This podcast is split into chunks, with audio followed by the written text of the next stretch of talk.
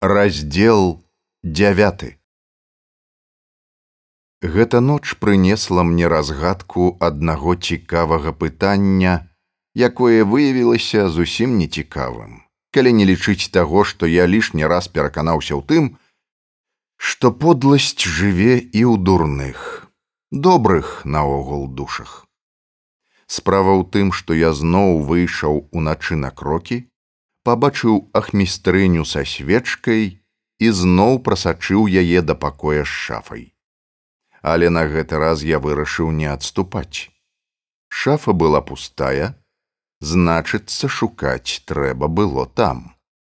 Я пахітаў дошкі ў задняй сценцы, шафа стаяла засунутая ў нішу сцяны, пакруціў усё, што магчыма было круціць пасля паспрабаваў падняць іх угару і пераканаўся, што мае спробы маюць поспех. Бабуля была, напэўна, глухаватая, іначай яна пачула б мае практыкаванні. Я з цяжкасцю пралезу атвор і пабачыў скляпеністы ход, які спускаўся строма ўніз, як быццам у сутарэнне збітыя цагляныя прыступкі збягалі ўніз і ход быў такі вузкі што я чапляўся плячыма за сценкі.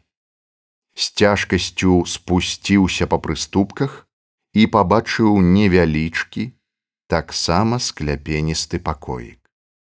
Ля сцен яго стаялі скрыні акутыя палосамі жалеза дзве шафы. Усё гэта было адчынена і аркушы пергаменту і паперы ляжалі паўсюль.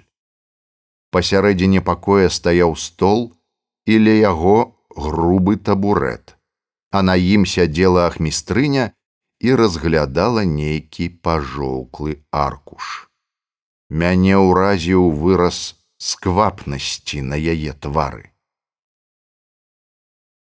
Калі я ўвайшоў, яна закрычала з перапуду і паспрабавала схаваць аркуш я паспеў узяць яе за руку. Паня ахмістрыня, дайце мне гэта. І ці не скажаце вы, чаму вы кожную ноч ходзіце сюды, у таемны архіў, што робіце тут? Нашто палохаеце ўсіх сваімі крокамі?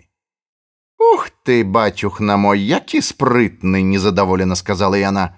Усё яму ведаць трэба і відаць таму, што знаходзілася на першым паверсе, загаварыла з выразнай народнай інтанацыяй. А скулля з макам ты не хочаш? Бачыце вы яму, што яму трэба? І аркуш схаваў. Каб ад цябе твае дзеці так хлеб на старасці год хавалі, як ты ад мяне той аркуш. У мяне можа больш правоў тут сядзець, чым у цябе. А ён, бачыце, сядзіць ды пытаецца. Каб на цябе так верады сядалі ды не пыталіся. Мне гэта прыкрала, і я сказаў ёй: « Ты што ў турму захацела? Ты чаго тут? Ці можа ты адсюль дзікаму паляванню знакі даеш? Ахмістрыня пакрыўдзілася. Твар яе сабраўся ў вялікія зморшчынкі. Грэх вам, пане, ледзь вымавіла яна. Я жанчына сумленная, я за сваім прыйшла. Вось яно ў вашай руцэ, тое, што мне належыць. Я глянуў на аркуш. Там была выпіска з пастановы камісіі па справе аднадворцаў. Я прабег вачыма парадках і ў канцы прачытаў: И хотя он и Закревский и до сей поры утверждает, что у него есть документы в подтверждение своих дворянских прав, а также того, что наследником Яновских по субституции является именно он, а не господин Гарабурда, дело сие за длительностью двадцатилетнего процесса и бездоказательностью следует придать забвению, а прав дворянства как недоказанных – господина Закревского Исидора лишить. Ну і што з гэтага спытаў я. А тое, бацюх на мой, з'едліва праспявала ахмістрыня, што я закрэўская, вось што. А гэта мой бацька так судзіўся з вялікімі ды моцнымі. Не ведала я, ды дзякуй добрым людзям навучылі розуму. Сказалі, што павінны тут недзе быць дакументы. Узяў суддзя павятовы дзесяць чырвоненькіх, але ж і параду даў добрую. Давайте аркуш. Не дапаможа, сказаў я. Гэта ж не дакумент. Тут суд шляхетства не вызначае. Я пра гэтую праверку дробнай шляхты добра ведаю. Каб ваш бацька меў дакументы на права субстытуцыі пасля яноўскіх іншая справа. Але ён іх не падаў, значыцца не меў. Тварах містрыні выразіў пакутлівае імкненне, дадумацца да такіх складаных рэчаў. Пасля вусны яе паехалі наперад, і яна спытала недаверліва: « А можа, яноўскія іх падкупілі? Кручкам гэтым толькі дай грошы, я ведаю. І адабралі ў майго бацькі дакументы і тут схавалі. А двадцать год судзіцца вы можете? Я, бацюхна, да таго часу, напэўна, пайду пану Богу порткі лугаваць. Ну вось бачыце, і дакументаў няма. Усё ж перарылі. Усё, бацюхна, ўсё, але ж свайго шкада. Дык гэта ж толькі няпэўныя звесткі. Але ж сваё, свае грошыкі чырвоненькія, сіненькія. І гэта вельмі нядобра капацца ўначы ў чужых паперах. Бацюх на свае ж грошыкі сквапна і тупа зудзела яна. Іх вам не адсудзяць, нават калі б дакументы былі. Гэта маярат яноўскіх на працягу трох стагоддзяў ці нават больш. Дык сваё ж бацюх на ледзь не плакала яна, і твар яе стаў сквапным да агіднасці. Я б іх даражэнькіх зараз у шкарпэтку, грошы б'ела, на грошах спала. Дакументаў няма, губляў я цярпенне. Законная наследніца ёсць. І тут здарылася жахлівае і агіднае. Жанчына выцягнула галаву, шыя яе зрабілася доўгай доўгай і наблізіўшы да мяне твар свісцячым шэптам сказала дык можа можа яна хутка памерла б? Твар яе аж прасвятлеў ад такога спадзявання. Померла бы ўсё, Яна ж слабая, спіць дрэнна, крыві ў жылах амаль няма, кашляе, Што ёй варта споўніцца праклён. Нашто каб палац пану гарабурдзе, калі тут магла б жыць я. Ёй што? Адмучыцца і садухі, А я Баюся, што я змяніўся ў твары, стаў страшны, бо яна адразу ўцягнула галаву ў плечы. На падлу ляціш, варона спытаў я, А тут не падла. Тут жывы чалавек. Тут такі чалавек, падэшвы якога ты не варта, які большае права мае жыць на зямлі, ніж ты, ступа дурная. Бачухна блекатала яна. Маўчы, ведьма, і ты яе ў магілу звесці хочаш. Усе вы тут такія аспіды драпежныя. Усе вы за грошы забіць чалавека гатовыя. Усе вы павукі, усе вы маці роднай за сінюю паперку не пашкадуеце. А ты ведаеш, што такое жыццё, што так лёгка пра смерць другога чалавека кажаш. Не перад табой бы перлы сыпаць, але ты выслухай. Ты ж жадаеш, каб яна сонца жывое, радасць добрых людзей, доўгія гады, якія яе чакаюць, на рабакоў падземных змяніла, каб табе на грошах спаць, з-за якіх сюды дзікае паляванне прыходзіць. Можа, ты і блакітную жанчыну сюды пускаеш. Чаму учора акно ў калідора адчыняла? Татачка ты мой, А я ж яго не адчыняла, а холодна ж было. А я яшчэ здзівілася, чаму адчынена, амаль галасіла яна. На твары гэтай поскудзі было столькі боязі, што я мог бы змоўкнуць, але не мог. Я згубіў усякую разважлівасць. Смерці ёй зычыш, сабакі зласлівыя, крумкачы, прэч адсюль, вон, яна высакародная ваша гаспадыня, яна можа і не прагоніць вас, Але я абяцаю вам, калі вы не пойдзеце з палаца, які засмуродзілі сваім дыханнем, вы сядзеце ў турму маімі клопатамі. Яна пайшла да сходаў, горка плачучы. Я ішоў за ёй. Мы выбраліся ў пакой, і тут я здзіўлена спыніўся. Яноўская стаяла перад намі ў белай сукні, і са свечкай у руках. Твар яе быў засмучаны, і яна грэбліва паглядзела на ахмістрыню. Пан беларэцкі, я выпадкова чула вашу размову, чула з самага пачатку.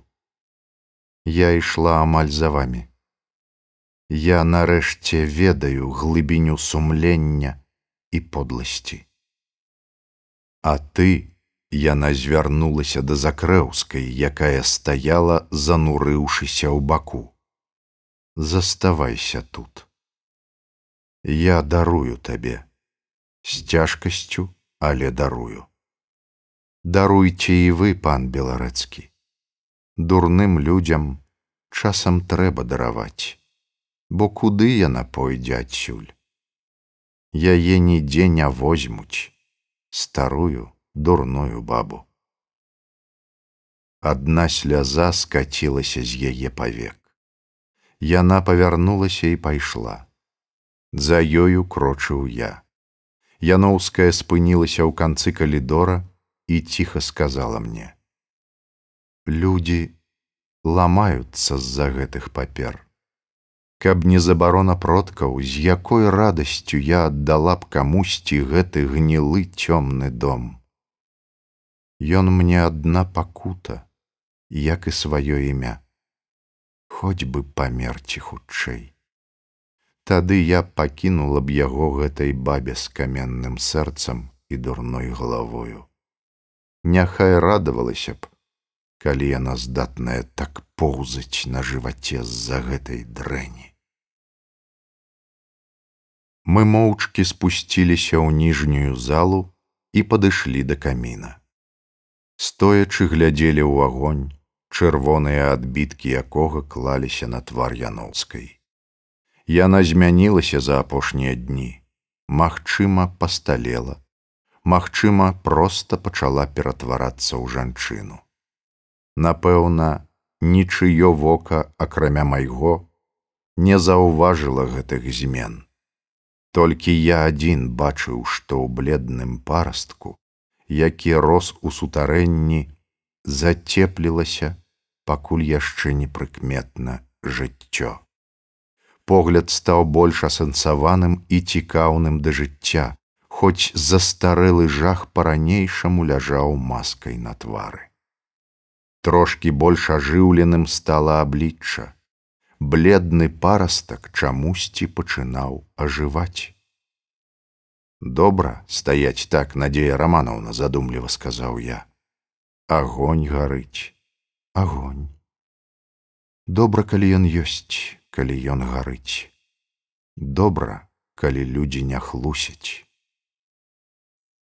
Дзікі, нялюдскай сілы крык прагучаў аднекуль знадворку.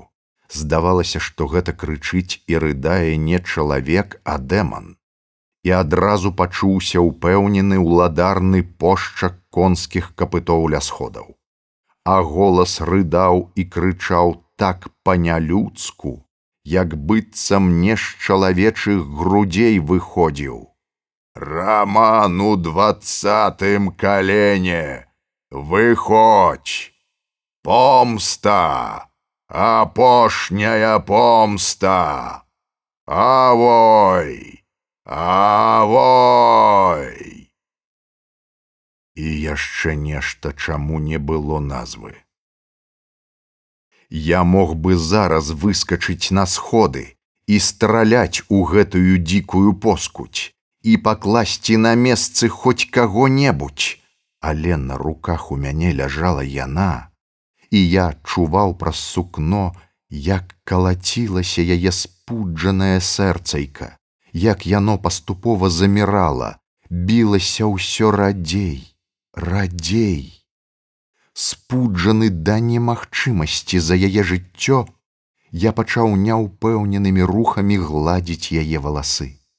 Яна павольна, вельмі павольна прыходзіла да прытомнасці, і веі яе ледзь прыкметна ўздрыгвалі, калі я дакранаўся рукою да яе галавы.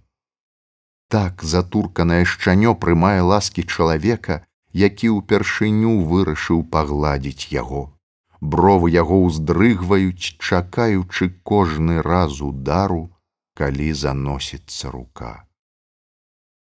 А грукат быў далей і ўся сутнасць моя пакутліва ўстала да таго, каб разам з ёй выскачыць на сходы, страляць у гэтых нетапыроў і разам з ёю ўпасці на прыступкі і памерці, адчуваючы яе поруч з сабою, тут усю ля сябе.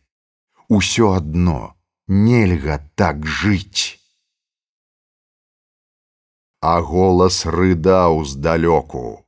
Раман, Раман, выходь, коням под ноги душу твою. Гэта яшчэ не зараз. Потым, заўтра, пасля, але мы прыйдзем, прыйдзем і цішыня. Яна ляжала ў маіх абдоймах, і як быццам ціхая музыка пачала найграваць недзе, можа ў маёй душы. Ціхая ціхая, далёкая далёкая, пяшчотная, пра сонца, малінавыя ад канюшыны лугі пад дымнай бліскучай расою, пра залівісты спеў гівала ў шатах вялікіх ліп. Яе твар быў такі спакойны, як у спячага дзіцяці. Вось прарваўся ўздых, раскрыліся вочы, здзіўлена паглядзелі вакол, пасуравелі. Прабачце, я пайду. І яна накіравалася да сходаў на другі паверх маленькая белая постаць. Толькі тут я, яшчэ дрыжучы ад узбуджэння, зразумеў, якая мужная, якая нязломная была душа ў гэтай да смерці запалоханай дзяўчыны, калі яна пасля такога выходзіла мяне сустракаць і двойчы адчыніла дзверы. Тады, калі я, невядомы, прыехаў сюды, і тады, калі я бег да яе дзвярэй у трывозе пад ляск капытоў дзікага палявання пад самымі вокнамі. Напэўна, яно і цёмныя асеннія ночы штурхнулі яе на гэта, як пачуццё даверу прымушае зацкаванага хартамі зайца прыціскацца да ног выпадковага чалавека у дзяўчыны былі надта добрыя нервы, калі яна вытрымала тут два гады. Я сеў ля каміна і пачаў глядзець у агонь. Так небяспека была жахлівая. Тры чалавекі супраць усіх гэтых цёмных сіл супраць невядомага, хопіць пяшчоты. Яны праязджаюць у парк ля волатавай прорвы. Заўтра ж я зраблю там засаду. Рукі ў мяне дрыжалі. Нервы былі напятыя як струны, і агульны стан не на сабаку. Можа паехаць адсюль, варухнулася ў душы спозненая думка, водгук той маёй ночы жаху і памерла перад напорам безнадзейнасці, жалезнай рашучасці і жадання біцца. Хопіць. Перамога або волатава прорва усё адно. Пакінуць? Не я не мог пакінуць гэты агідны холодны дом бо тут жыло тое што я пакахаў. Так пакахаў. Я не саромеўся гэтага да гэтага часу ў мяне як амаль ва ўсякага здаровага, маральна неразбэшчанага і пазбаўленага залішняй пачуццёвай цягі чалавека былі да жанчын роўныя сяброўскія адносіны. Часам нават не пазбаўленыя нейкай незразумелай агіды. Так яно і павінна быць, пакуль не прыходзіць сапраўднае.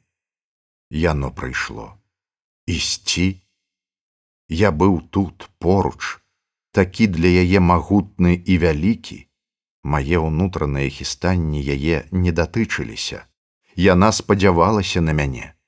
Яна ўпершыню, напэўна, спала спакойна. Гэты момант, калі я трымаў яе ў абдоймах, вырашыў для мяне ўсё, што хавалася ў маім сэрцы яшчэ з тых часоў, калі яна паўстала ў абарону бедных там, ля верхняга каміна, з якой насалодаю я ўзяў бы яе адсюль, павёз кудысьці далёка, цалаваў гэтыя заплаканыя вочы, маленькія руки, ахінуў яе, як цёплым надзейным крылом, дараваў бы свету яго непрытульнасць. Але што я?